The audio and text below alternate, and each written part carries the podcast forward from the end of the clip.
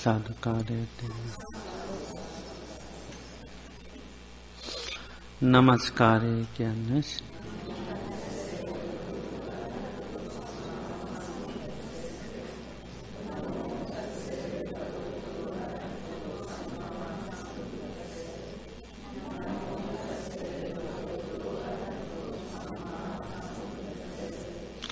බුද්ධහං සරනංගච්ඡාමි දම්මං සරනංගච්ඡාමි සංඝං සරනංගච්ඡාමි දුතියම්පි බුද්ධං සරනංගච්ඡාමි දුතියම්පි දම්මං සරනංගච්ඡාමි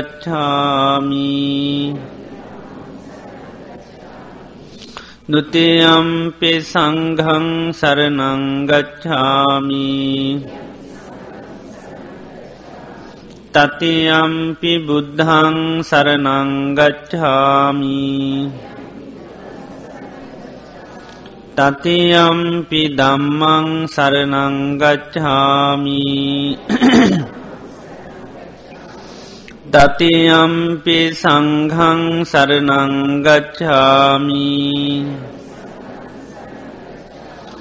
සරනාගමනං සම්පන්නං පානාතිපාතාවේරමනී සික්ඛාපදං සමාධයාමී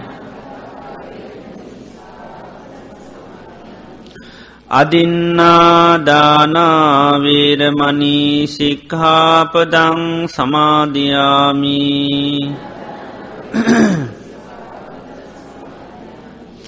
කාමේසු මිච්ඡාච අබ්‍රහ්මචරියාවේරමනී සික්හාපදං සමාධයාමී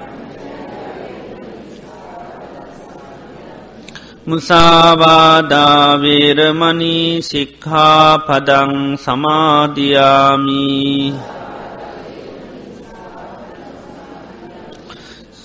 සුරාමේරය මජ්්‍ය පමාදට්ඨානාවේරමනී සික්හාපදං සමාධයාමී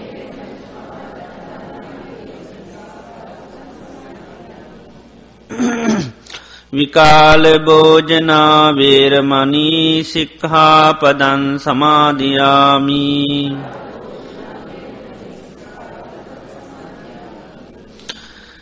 නච්චගීතවාදිත විසූක දස්සන. මාලාගන්ධ විලේපන ධාරණ මණ්ඩන විභූෂනට්ටානාවේරමනී සික්කාපදං සමාධයාමී।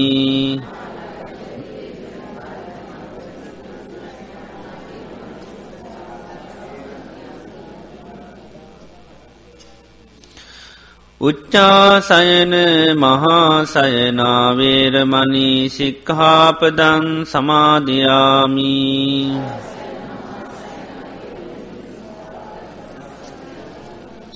තිසරණය සද්දිින් උපෝසත අට්ටංග සීලං දම්මන් සාදුකන් සුරක්කිතං කත්වා අපමාදේන සම්පාදේ තම්බං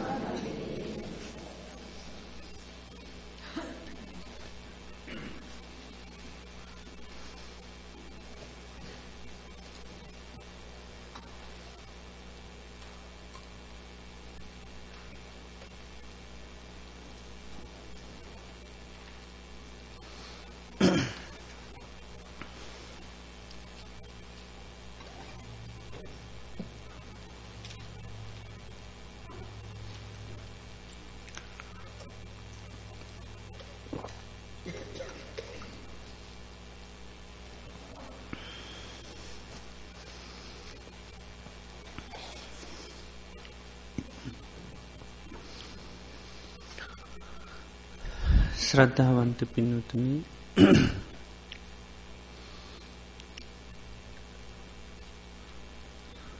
ලෝතුරා බුදුරජාණන් වහන්සේ අපේ ජීවිතය අවබෝධ කර ගැනීම සඳහා උන්වහන්සේ විවිධ විදිහේ ජීවිත දිහා බලන්න ක්‍රමවේදයන් අපිට උගන්නලා තියෙනවා. විශේෂයෙන්ම මේ ජීවිතය දිහා උන්වහන්සේ සාාවකයෝ බලන්ඩෝනී ප්‍රධාන කාරණයක් හැටිට පෙන්නෙනවා හේතු පල දහම හැටියට මේ ජීවිතය දකින්න කියලා. අද මේ වෙලාවේ අපි කියල දෙන්න කැමති බුදුරජාණන් වහන්සේගේ දේශනය ඇතින නතුම්හ කියලා නතුම්හ කියන්නේ ඔබගේ නොවේ කියන එකයි. නායම් භික්වේ කායු තුම්හාකං මහනන මේ ජීවිතය කියන්නේ ඔබගේ නොවේ. නාපි අඥ්ඥේ සං වෙනත් කෙනෙකුගෙත් නෙවේ. පුරාණමිදම් භික්කවේ කම්මම් එක පරණ කර්මයක් කියනවා. අභි සංකතම් එක සැකස්වෙත්තික අභි සංචේත චේතයිතන් චේතනාවත් තුළින් හැදිච්චේ එකක් වේද ඉතන් දට්ටබ්බම් මේ ජීවිතයේ දකිින්ට තියෙන්නේ විඳව විඳව තමයි දකිින්ට තියෙන වේදනාව තුළ තමයි දකිින්ට තියෙන්.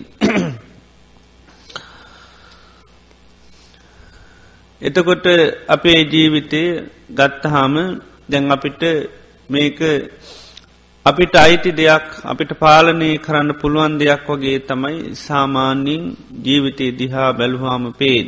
වැටහෙන්නේ තේරෙන්නේ හඳුනාගෙන තියෙන්නේ අයිති දෙයක් හැටියටයි. ඒකට බුදුරජාණන් වන්ස පෙන්න්නන්නේ සංඥා විපල්ලාස. පාලනය කරන්න තමාට ඕනුවට හසුරන්න බැරි දෙයක් ඒ වගේ ආන්න පේනවා මේ ජීවිතය හසුරුවන්න පාලනය කරන්න පුළුවන් කියලා. තොට මෙතන උන්වහන්සේ දේශනා කරනවා මේ ජීවිතය කියන්න එන්න තුම්හාකං ඔබගේ නොවේ කියනවා. අයිතිත්වයක් පාලනය කිරීමේ හැකියාවක් මේ පංචුපාදානස්කන්දය තුළම නෑ. එක වෙලාවකදී සච්චක කියන නිදන් නිගන්ට කෙනෙකුට උන්වහන්සේ පෙන්නනවා මේ රජ කෙනෙකුට පුළුවන් තමන්ගේ රට තුළ ඉන්න මනුස්්‍යයන්ට විවිධ දෙයක් කරන්න. රජ කෙනෙකුට හැකියාවතියෙනවා. මරන් ඕනියයි මරලදාන්න ඊළඟට මේ එලවන්ඩෝනිය එලවන්න නිර්ධන කරන්න ඕනය නිර්ධන කරන්න ඕන්නම් පුළුවන් රජ කෙනෙකුට ඒ කැමති දෙයක් කරන්න පුළුවන්. නමුත් ඒ වගේ අයිතියක් කිසිම කෙනෙකුට තමන්ගේ පංචුපාදානස්කන්දය දිහා පංචපාදානස්කන්දයට පාලනයක් කරන්න බෑ. පංචුපාදානස්කන්දය නිතරම හේතු හට ගැනීමෙන් හටගන්නවා හේතු නැතිවීමෙන් නැතිවර යනොමිසක්ක කාටුවත් පාලනය කරන්න බෑ. රූපයවත් වේදනාවත් සංඥාවත් සංකාර විඤ්ඥාන කියනමේ උපාදානස්කන්ද පහම කාටුවත් ඕන විදිහට පාලනී කිරීමේ හැකියාවක් නෑ හේතු සකස් කිරීම තුළ යම්යං සකස්වීම් තියෙන වැරෙන්ට පාලනය අත්තුරින් කරන්න පුළුවන් දෙයක් නැහැ. ඒකයි සිත වනත් එහෙමයි අනකරල මේ හිත පාලනයකාන් බෑ හේතු හදලා සිත පාලනය කරන්න පුළුවන්. ඒ නිසා උන්වහන්සේ දේශනා කරනවා මේ ජීවිතයකයි ඔබගේ නොවේකි නොම්. ඉළඟට මේක වෙන කෙනෙකුගෙත් නොවේ. මේක පුරාණ කර්මයක් තමයි දැන් ජීවිතය කියන්න. ඊළඟට අභිසංකහිතං ඒක සකස්වේතියකන් ඒ වගේම චේතනාවත්තුලින් හැදිත්තියකං ජීවිතයේ දකිින්ඩ තියෙන්නේ වේදයිතන් දට් අබ්බංකින විඳෝ විදුව තමයි දකිින්ඩ තියෙන්නේ. අපිට ජීවිතයේ ස්වභාවයන් වේදනාවත් එක්ක තමයි දැනෙන්. වේදනාවත් එක තමයි දැනෙන්නේ එතන තමයි අපිට නිතරම ජීවිතය හැම දෙයක්ම දැනෙන තැන. එතට බුදුරජාණන් වහන්සේ දේශනා කරනවා තත්‍ර භික්වේ සුතුවාරිය සාාවකෝ මේ කාරණයේදී මේ තමාට අයිති නැති දෙයක් හැටියට මේ ජීවිතය පවතින් එහෙනම් මේ කාරණයේදී සුතුවත් ආර්යශාවකයා කොහොමද අපිට මේ ජීවිතය ඇයි අයිති නොවෙන්නේ මේක ඔබගේ නුවෙන්නේ කුමන හේතුවන් නිසාද කියලා අන්න ආර්යශාවකයා මේ කාරණය පිළිබඳව අවබෝධ කරගන්න උන්වහන්සේ කිනවා පටිච්ච සමුපාදංය සාධකං යෝනිසෝ මනසිකරෝති. පටිච්ච සමුපාදයම නිතරම එයා නුවනින් විමසා බලනවා. මොකද? දැන් ඔබගේත් නුවේ නම් වෙන කොනෙගෙත් නුවෙන් නම් මේ ජීවිතය කොහොමද සකස් වනේ? කොහොමද මේ ජීවිතය පවතින්නේ? ක්‍රියාත්මක වෙන්නේ? මෙන්න මේ කාරණය අවබෝධ කරගන්න සතාගත සාාවකයා පටිච්ච සමුපාදයම අන්න සාධකං යෝනිසෝ මනසිකරෝති නිතරම මෙනෙහි කරනවා සිහි කරනවාමකදද පටිච්ච සමුපාදය.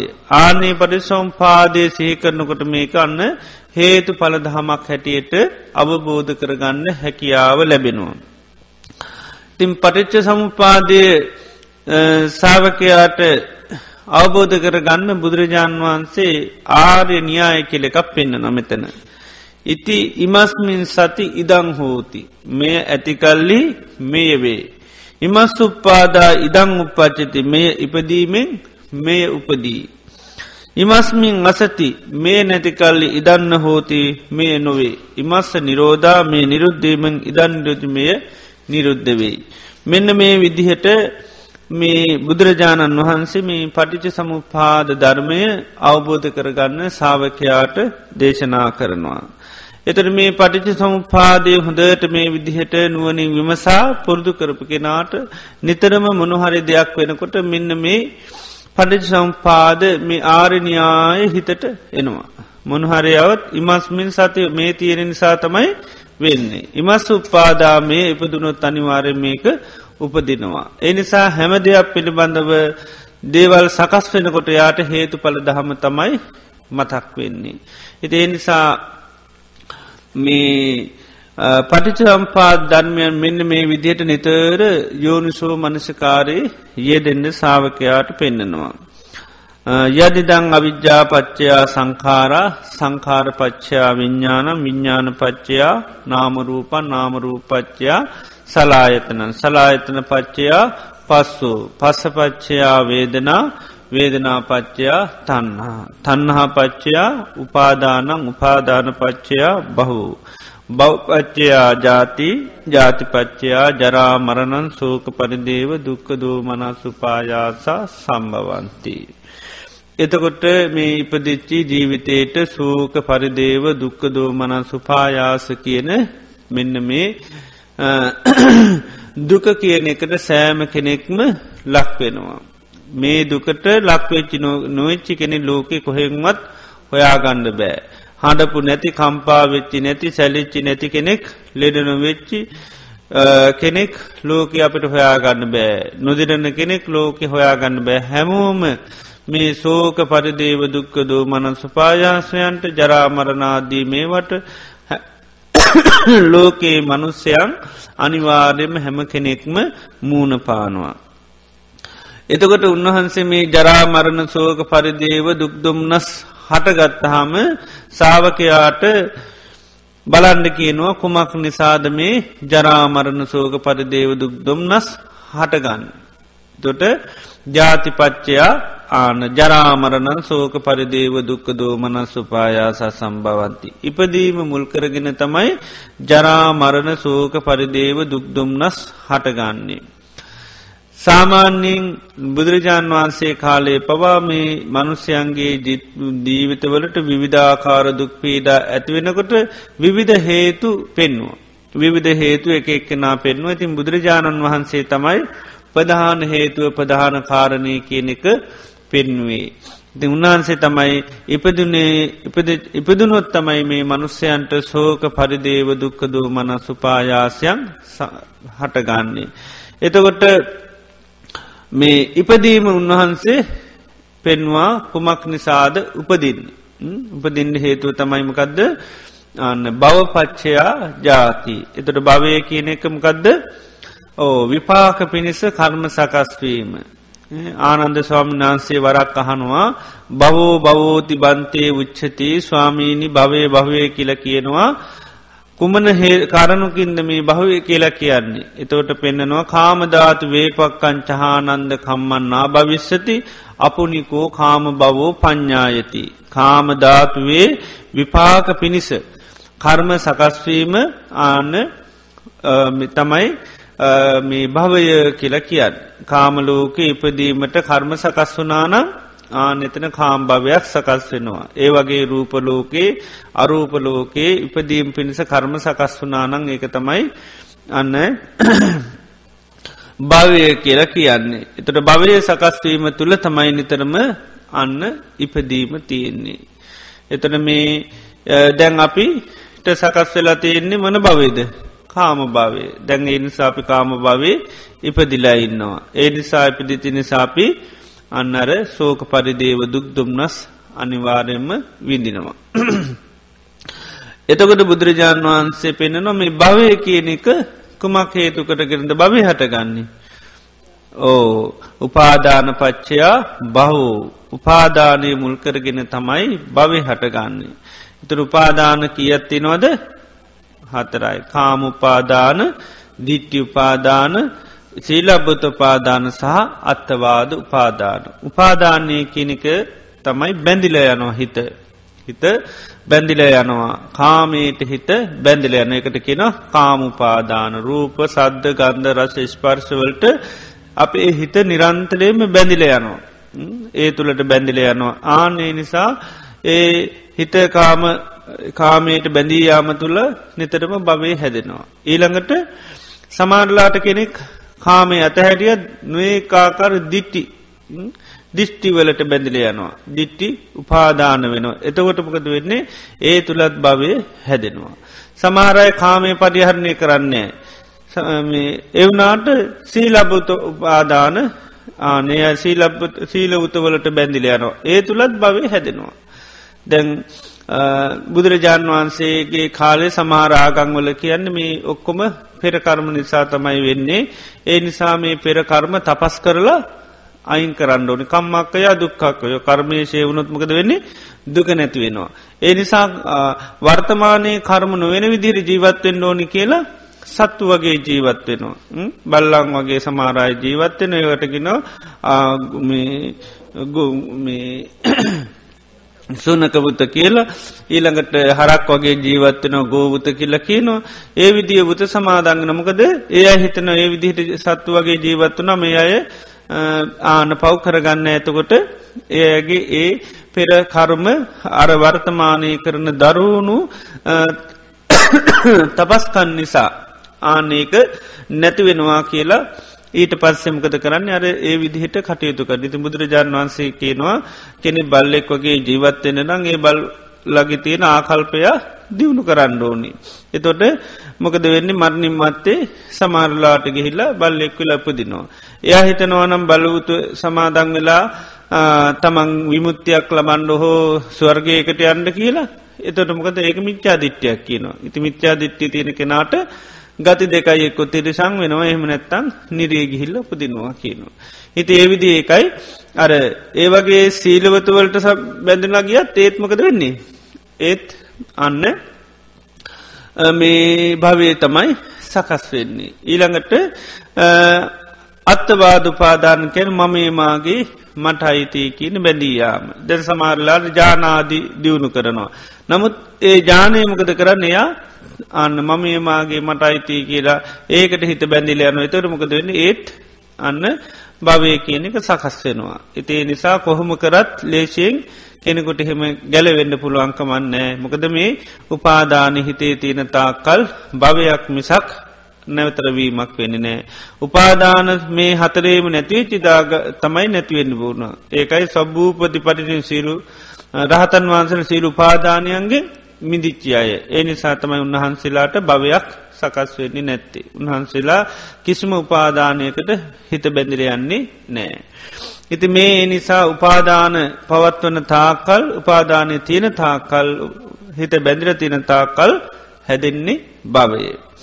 එත උපාධානය බුදුරජාණන් වහන්සේ පෙන්න්නනවා කුමක් නිසාද උපාදාන වෙන්නේ තන්නහා පච්චයා උපාදාන. ඇලෙන නිසා තමයි බැඳින්. ඇලෙන නිසා තමයි බැඳෙන්නේ. එතෝට තන්නහාාව ඇලීම කියන එක තියෙන තැන තම හිත බැඳිල යන්නේ. එතොට තන්නහාව බුදුරජාණන් වහන්සේ පෙන්නෙනවා සයාකාරයකට රූපවලට හිත බැඳෙනවා සද්ධවලට ගන්ධවලට රසයට පහසට සිති විදිවලට කියන මේ සලායතනයන්ගෙන් හටගන්න අරමුණුවලටම හිත බැඳෙන එකට රූප තන්නා සද්ධ තන්නා වසයෙන් හඳුන්නනවා. එතොට තන්නාවේ ස්වභාවය තමයි මොකද ආයායමත් පුනර්භවය කියන එක ඇති කරලා දෙනවා.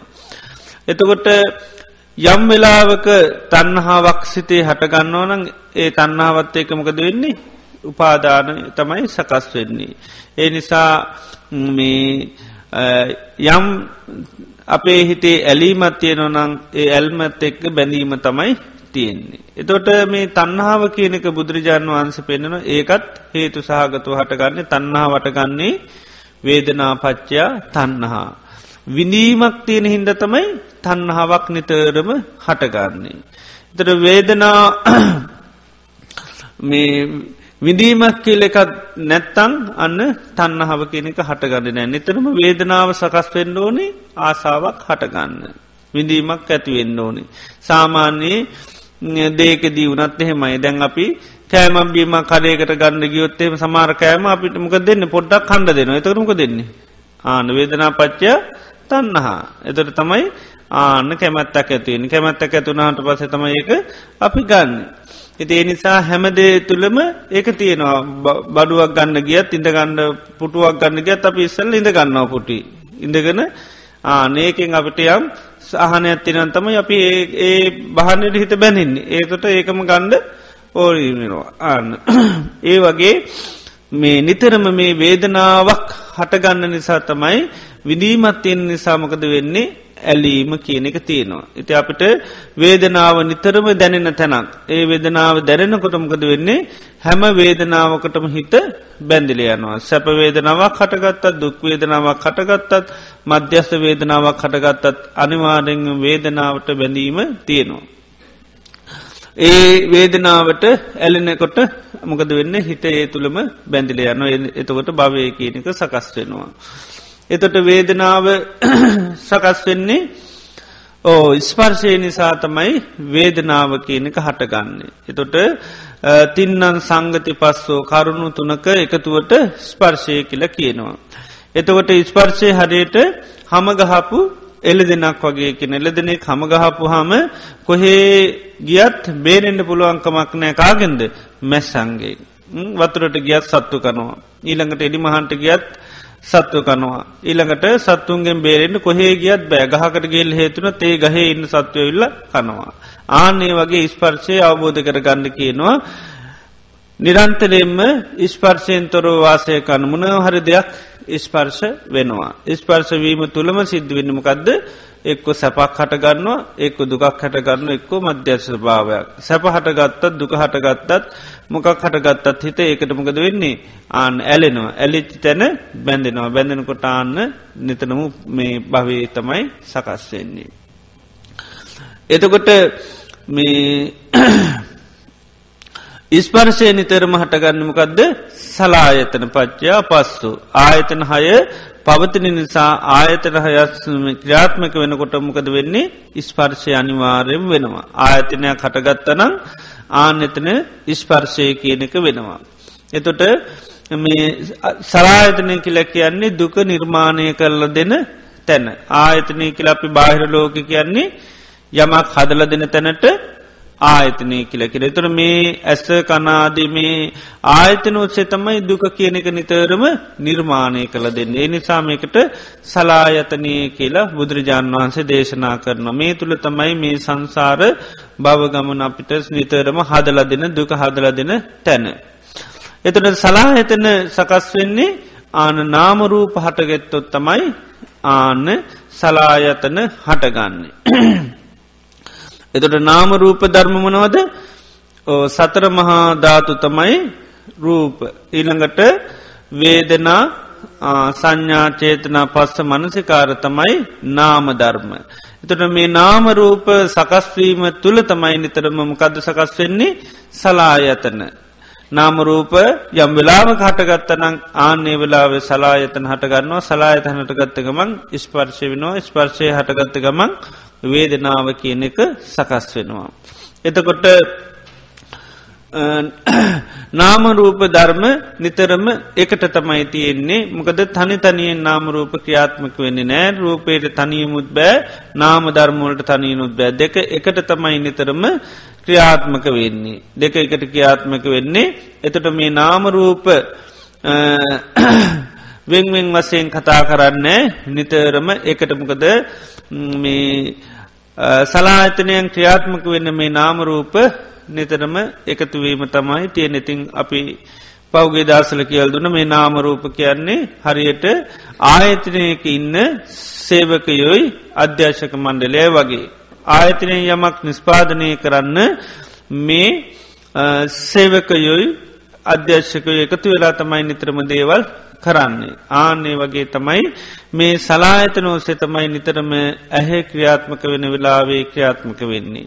මේ ආයතන ක්‍රියාත්මක වෙන්නේ මේ සලායතනය මේ නාමරූප හටගත්ත වෙලාවක.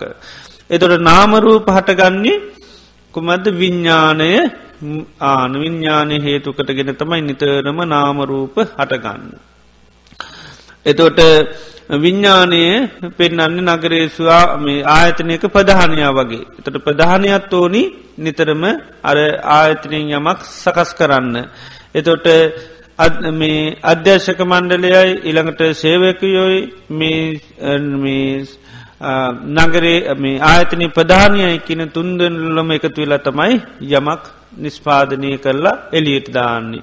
ආනේ වගේ තමයි මේ මේ සලායතනත් මනද නාමරූපත් ඒ වගේම විඤ්ඥානය කියන මේ තුනේ එකතුව නිසා තමයි හැමවෙලේම අපේ සලායතනය කියනක ක්‍රියාත්මක වෙන්නේ. තොර විඤ්ඥානයත් බුදුරජාණන් වහන්සේ පෙන්නනවා ඒකත් හේතු සහගතුව තමයි විඤ්ඥානය හටගන්නේ ඒ තමයි අන්න සංකාරපච්චයා විඤ්ඥානයන්.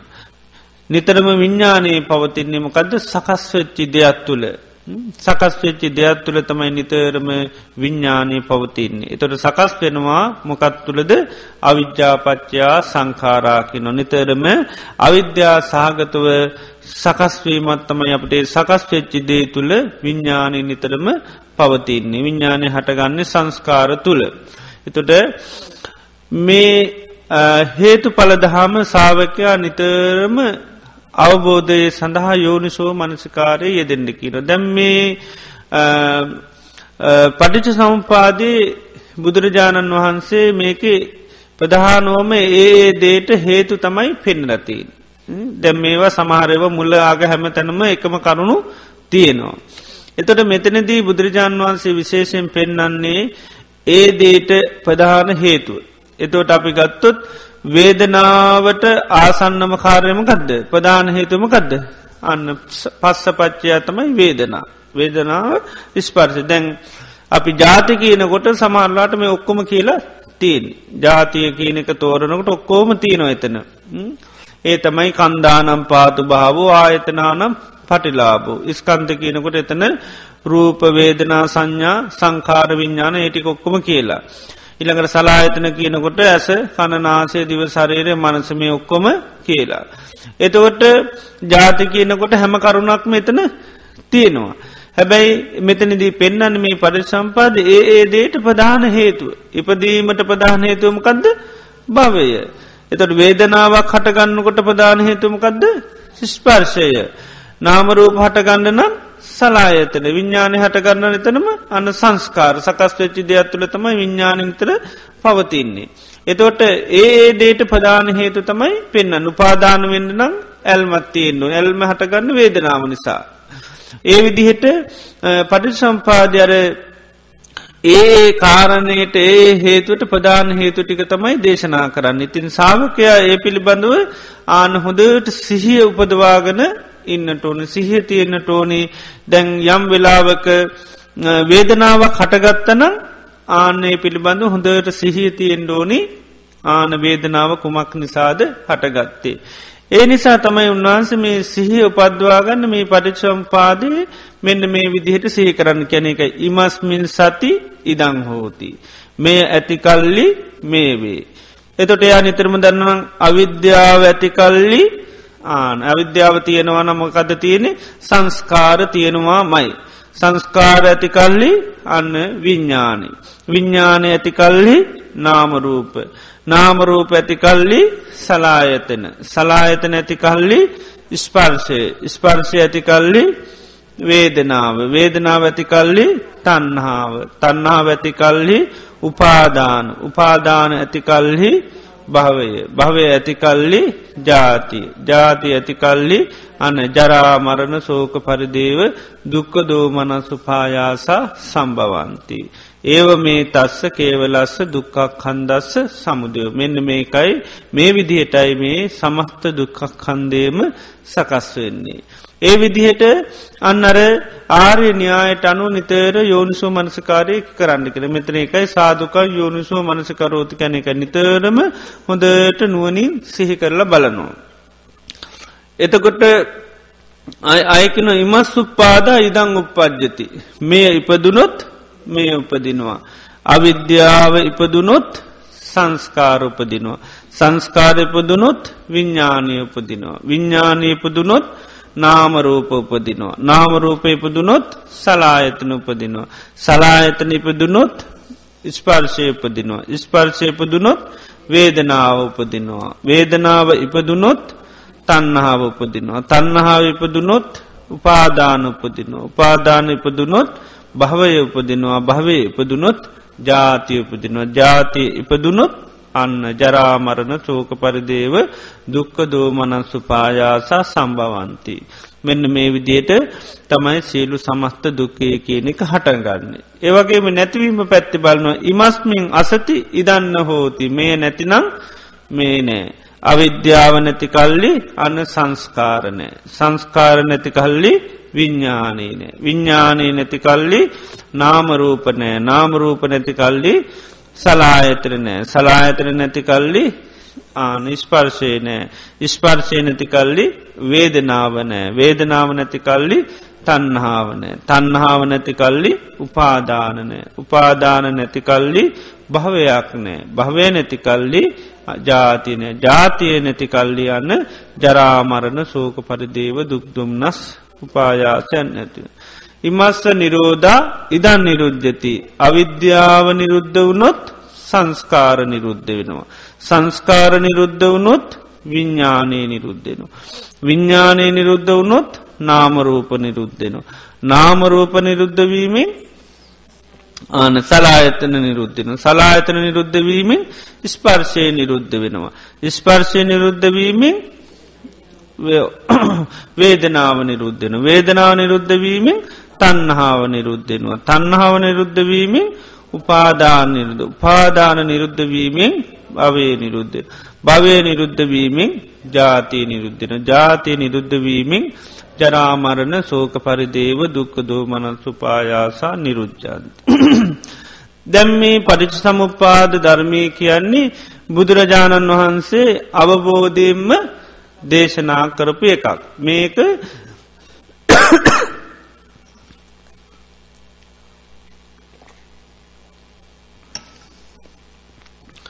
දුක හටගන්නේ කොහොමද කියන පිළිවෙල උන්වහන්සේ දැන් මේ සාාවකයාට දේශනා කල්ලා තියෙන දැම් මේක උන්වහන්සේ අවබෝධයම දේශනා කල්ලා තින මේ විදිහටම තමයි වෙන්න. ඉති මේක තමයි දැන් සාාවකයෝ අවබෝධ කර ගන්න ඕනි. දැන් අපිට තියෙන්නේ හදපු මාර්ගය යන්නද? අපි මාර්ග හදාන අන්න ඕනද. ඕ හදපු මාර ඒකන සාාවක කියලා කියන්න. නේද? සාාවකයා කියැන බුදුරජාණන් වහන්සේ අවබෝධ කරපු පිළිවෙලට අපිත් ආන්‍ය අන්ඩෝඩි දැන් ගණන් අපිට දෙනවනේ. දැන් ගණන් හදන ක්‍රමේ කියල දෙන ඒකමට හදනවා අපිට ඕනි දීට හදනවා. කියල දුන්න විදිහට නේ දහදන්නේ කියල දුන්න විදිට හදනට ආන උත්තර එනවා. ඒ වගේ එතොට ඒ කියපු අනුව තමයි නිතරම අපි පුහුණු වෙන්නේ පුහුණු වෙනකොට ඒ විෂය පිළිබඳව අපිටත් යම් අවබෝධයක් ඇති වෙනවා. ආන්නේ වගේ දැම් මේ පටිච සම්පාදී අපිට දැම් මේක උන්වහන්සේ පැහැදිලියොම ඔක්කෝම දේශනා කල තියන්නේ දැන් නැත්තෙම කක්ද මේ පට සම්පාද පිළිබඳ. ඕ අවබෝධය සිහිය නුවන තමයි නැත්තේ. දැන් සිහිය නුවන තමයි පරිච සම්පාදය නැත්තේ. දැ මේක අය අමුතුවෙන් මේවා කරන්න දෙයක් නැහැ. මොකද ඔක්කෝම බුදුරජාන් වන්ස පිළීවලට දේශනා කරලා තියෙනවා. දැන් නැත්තෙමකක්ද සාාවකයට සිහිය නුවන එන්නෑ දැම්මේ ඒකයි. දැම් මොනවාරි හටගන්නකොට දැ මේකි නොන්න තුම් මහකං ඔබගේ නොවේ. ද වේදනාව කටගන්නකොටමකද වෙන්න ඔබගේ රුව වෙනවාද. ආනක ඇයි අපිට සිහිවෙනවද ආන මේ නිසයි මේ වුණේ කියර සිවෙනවද මේ ඉපදච්චි නිසයි මේ ඉපදනය කියල මතක් වෙනවාද? නෑ. ආන්න ඒක තමයි සාාවකයාට බුදුරජාන් වන්ස මෙතන කියන්නේ හොඳට මොකක්ද කරන්න කියන්නේ? යෝනිශෝ මනසිකාරී යෙදෙන්න්න කියනවා. ද යෝනිශෝ මනසිකාරය කියන්නේ මොකක්ද තමා දන්නා දෙයක් ආයායමකක්ද කරන්නේ? සිහි කරනවා. ආන සිහි කරන කොළමකද වෙන්නේ? සිහ පිහිටනවා. ආනකයි සිහිය නුවන පිහිටනවා. දැන් අපිට මේ පරිපා පටිච සම්පාද ධර්මයන් හටගන්නකොට අපිට මොකද වෙන්නේ? සිහිවෙන්නේ නෑ. ආනකයි මේ මම බලවා මට දකිනවා මට දැනෙනවා කියන ඇරෙන්ඩ ආන මේක නිසාමයකුණා කියලා සිහ පිහිටන්නේ නැහැ. ඉතිං ආන්නේ සීහපුදුව ගන්න තමයි බුදුරජාණන් වහන්සේ මේ පටිච සම්පාදයකයි සාධකං යෝනිසුව මනසිකරෝතු හොඳට සිහි කරන්න කිය නොකොහොමද ඉමස්මින් සති දංගොතු මේ ඇති කල්ලී මෙහෙවේ. ආනේ විදියට නිතර සීකරන්න සීකරන්නමකද වෙන්නේ? කාලයක් යනකොට යාට ආන වේදනාවක් හටගන්නකොට ආන්නරණයා යායට මතක් වෙනවා. මකදද?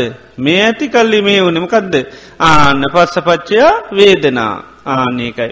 ඒ නියා එතමයි යාට එක යාරි න්‍යා යායට නිතරම සීවන දැන් සෝතා පන්න වෙනකට මේ ආරිනියා යායට හොඳටම නවබෝධ කරගෙන තියෙන්නේ. ඉතින් සෝතාපන්න වෙන්න නැති අයමකද ඉස්සල්ල කරන්න ඕනි? මේක ආන සද්ධාව තුළ රුචිය තුළ අනුස්්‍රවනය තුළ මේ විදියට කල්පනා කිරීම තුළ ආන්න මේ සත්‍යය ආරශ්ා කරගෙන ඉන්ඩෝරි ද මේක සත්‍යයක්.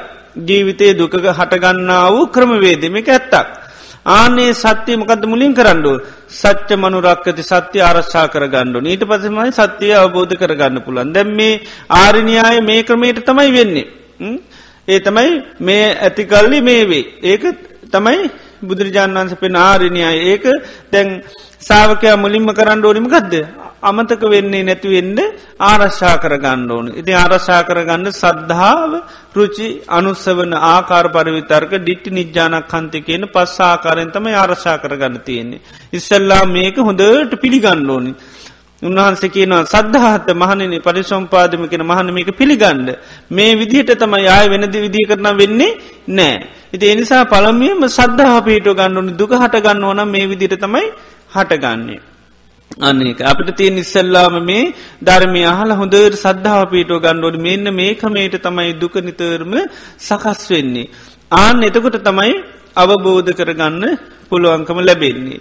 ද අපිට වෙලා තියෙනමකද මේ විදිහට අපි පිළිගන්න නෑ අපි මොකද වෙන්නේ ඉපදුනේ කොහොමද කිර හොයන්ඩ යනවා. නේ දිපදිච්චි හැටිය හොයන්ඩ යනවා. ඒවතම අපි හොයන්ඩ යන්නේ. ඉති ඒතුවට මොකද වෙන්නේ පටි සම්පාදය මතරමං වෙන වැරෙන්න්න වෙන දෙයක් වෙන්නේ නෑ. අපිට තියෙන්නේ දලවසේ මේ කාරණා පිළි අරගන සීහපුදවා ගණ්ඩයි. සීහපදවා ගණ්ඩයි තියෙන්නේ මකද මේ ධර්මය නිතරම උන්වහස මේ ක්‍රමවේදී කියලති අපට තියනේ විදිර සහි කරන්න. දැ වාහන වලර තීරවනේ මේ අරහෙටරෙන් මෙහෙටරෙන්ට කියෙන අපි ඒම හැල්ලයන වැරෙන්ට අපි මුණුක්කාන්ඩ යන්නේ නේද?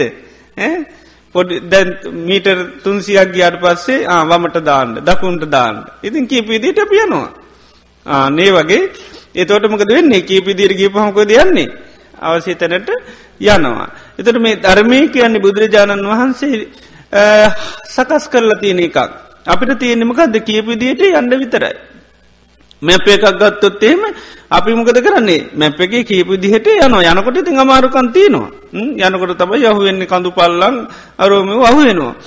ඒ වගේ ධර්මයත් එහෙමයි බුදුරජාණන් වහන්සේ කියන්න මේක ස්වාකාතෝ භගවතා දම්මූ මනාකොට දේශනා කරපිය එකක්. සන්දිිට්ටිකෝ මේ ජීවිතේම අත්දකින්න පුළුවන් එකක්. ඉතින් ඒ නිසා මේක මේ අපිට අමුතුම මේ පඩි සම්පාදය විග්‍රහ කර කර මේ යන්න දෙයක් නැහැ. අපිට තියෙන මේ කියපු විදියට සී කරන්න විතරයි ආනකයි ඒක සාමාන්‍ය තේරුම පෙන්ලතිනවා දැන් තන්නා කෙනකට තන්නා හයත්තිනෝ කියලා තින උපාදානකින උපාදාන හතරත්තින ඒටික කියල තියෙන්නේ. ඉති අපිට ඒටික පිළිබඳව දැනුම ඇති කරගෙන ඊට පස හොඳට සද්ධහපීටන් ඕනේ. මෙන්න මේ විදිර තමයි නිතරම දුක කියන එක සකස් වෙන්නේ. එතකොට තමයි නියම්යන් එවල් ජීවිතයට ඇති වෙනකොට මන්න අපිට අර න්‍යාය මතක්කෙනවා මේ නිසා තමයි මේ වෙන්නේ. ආන්න එක. මේක නැතුවනොත් තමයි මේක නැතිවෙන්නේ. එතට දුකත්තියන එතොට දන්නවා වේදනාවක් දඩි තද බල වේදනාව කටගෙන තියෙන එයා දන්න එහෙනම් ස්පර්ශ නැතුනොත්තම මේක නැති ස්පර්ශ තියනතාක් කල් තියෙනවා. ස්පර්සට අපි අන්තාත්ද බැඳෙන්නේ? ඒ තාක්කල් මේ විඳීම තියෙනවා. ඉතින් ඒ නිසා එයාට නිතර මන්න අර යම් යන් අවස්ථාවලද ජීවිතයට මේ දේවල් සකස් වෙනකොට යා හැමවෙලේම දකින්න මෙතන ආනන්න තුම්හාකං ඔබගේ නොවේ කියනිකයි. එහෙනම් කාගෙද ආන හේතු නිසාතියන එකක්. නිතරම හැම දෙයක්ම හේතු නිසාතියන එකක් කිනවා. ජීවිතයට දුක කරදර පස් නැති වෙනවා. මානසික පීඩ නැතිවෙන එතකොටම සීවෙන්නම කක්ද.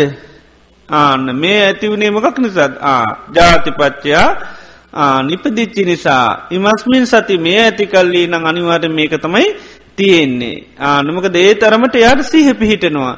මොකද මේ ඇතිකල්ලේ මේ වේ කියනකයා නිතරම් පුරුදු කළ තියෙන්නේ. ඉපදීමක් ඇතිකල්ලීම් ගද තියෙන්නේ.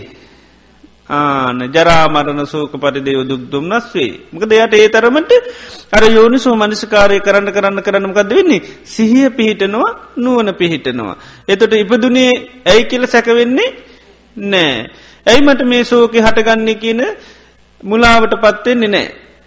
දැන් සාමාන්‍යයේ අයටමකද වෙන්න? දුක හටගන්නකොට මොකද වෙන්නේ? සම්මෝහවේ පක්ක මුලාවට පත්වෙන අනිත්තකමකක්ද පරියේටිත වේ පක්ක දුක නැති කරගන්න ක්‍රමවේදයක් බාහිරුව හොයනවා.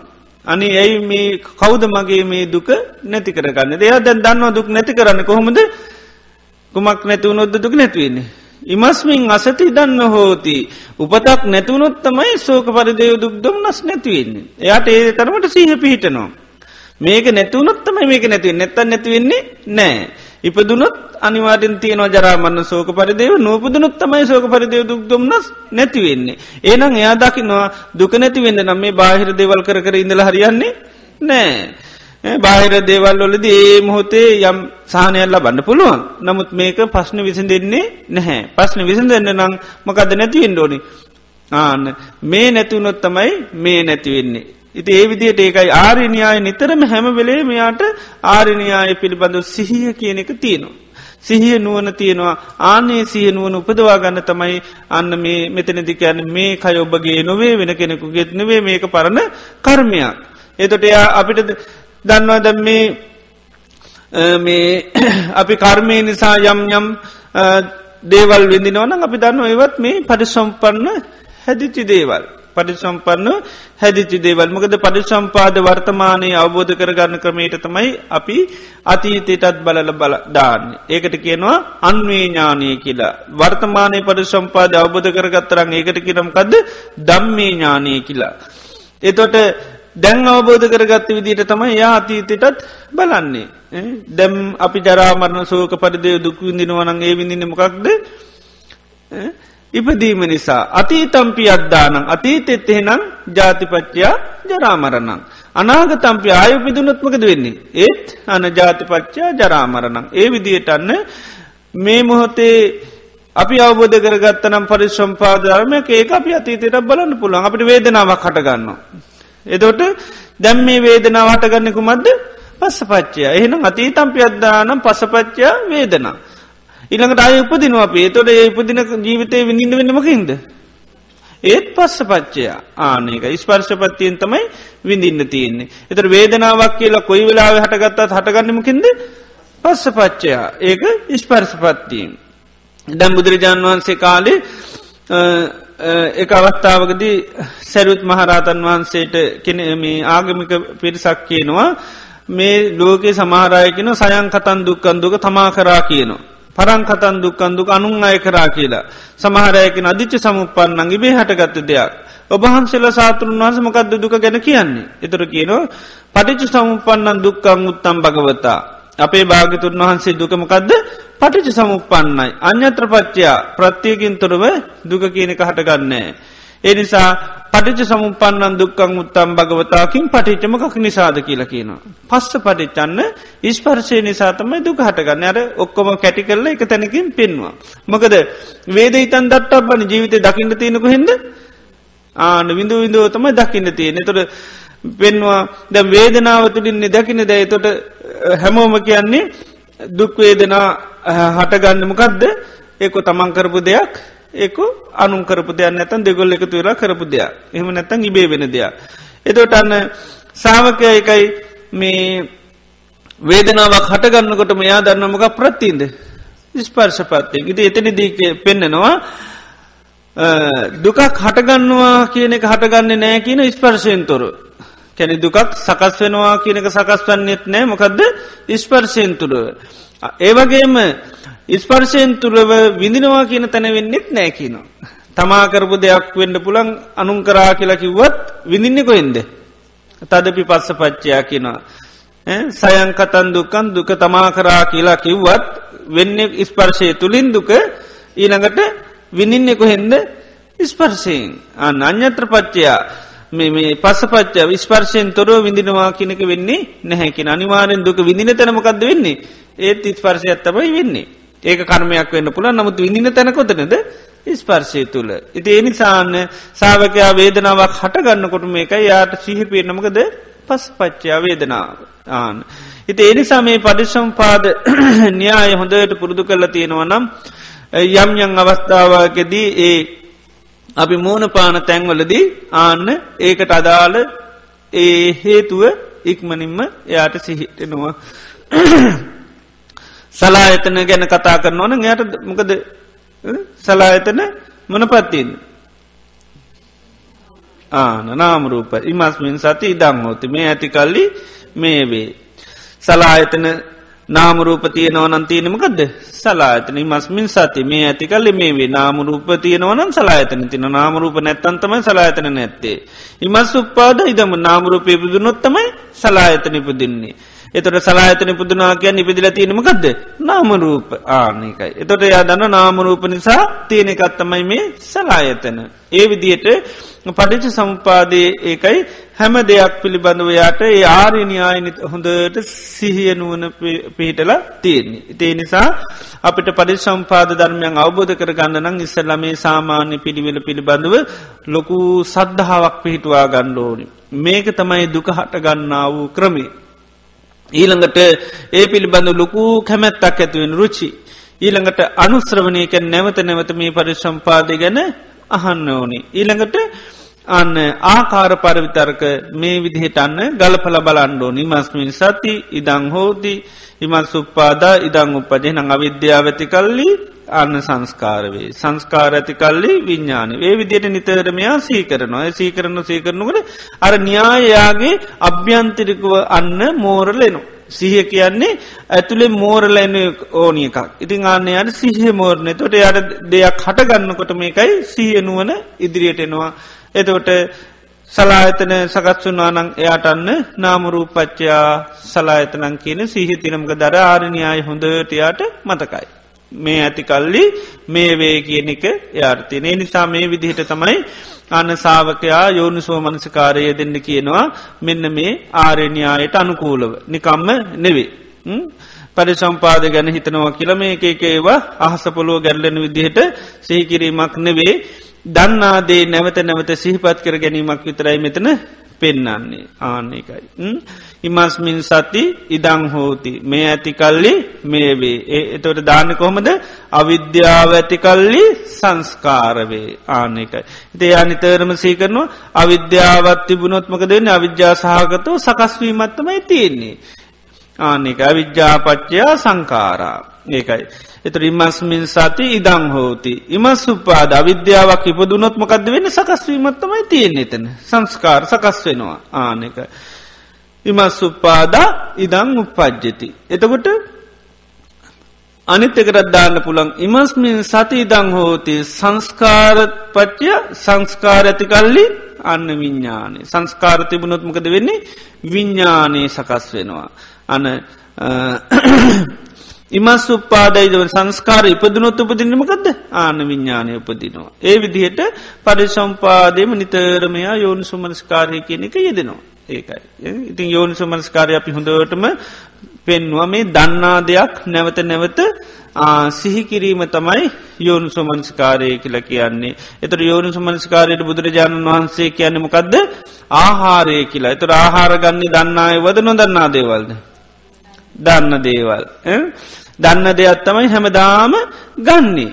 එතොට කෑම කණ්ඩ කණ්ඩමකද වෙන්නේ ආනේක පෝෂණ වෙන ඒ වගේ තමයි මේ දන්නාදේ තමයි නැවත නැවත නැවත සිහි කරන්න තොට යාට අභ්‍යන්තිරිකවන්න සිහියනුවන පීටනවා. ආන සිහියනුවන පිහිට නොමේ විදිර කාලයක් යෝනු සෝමන්සකාරය කරනකොට අර සිහිය සහ නුවන කියනක දෙකම පෝෂණය වෙනවා. ඉති ඒකයි මෙතන මේ ජීවිතය ඔබගේ නොවේ නම් වෙන කෙනෙකුගේත් නොවේ නම් කුමත්ද කියන අවබෝධ කරගන්නන්න සාාවකයා තත්‍රභික්වේ සුතුවා ආර්ය සාාවකෝ පටිච්ච සමුපාදන් ඒව පටිච් සමු පාදයම සාධකං යෝනිසෝ මනසකරෝති හොඳට ආන සිහි කරනවා.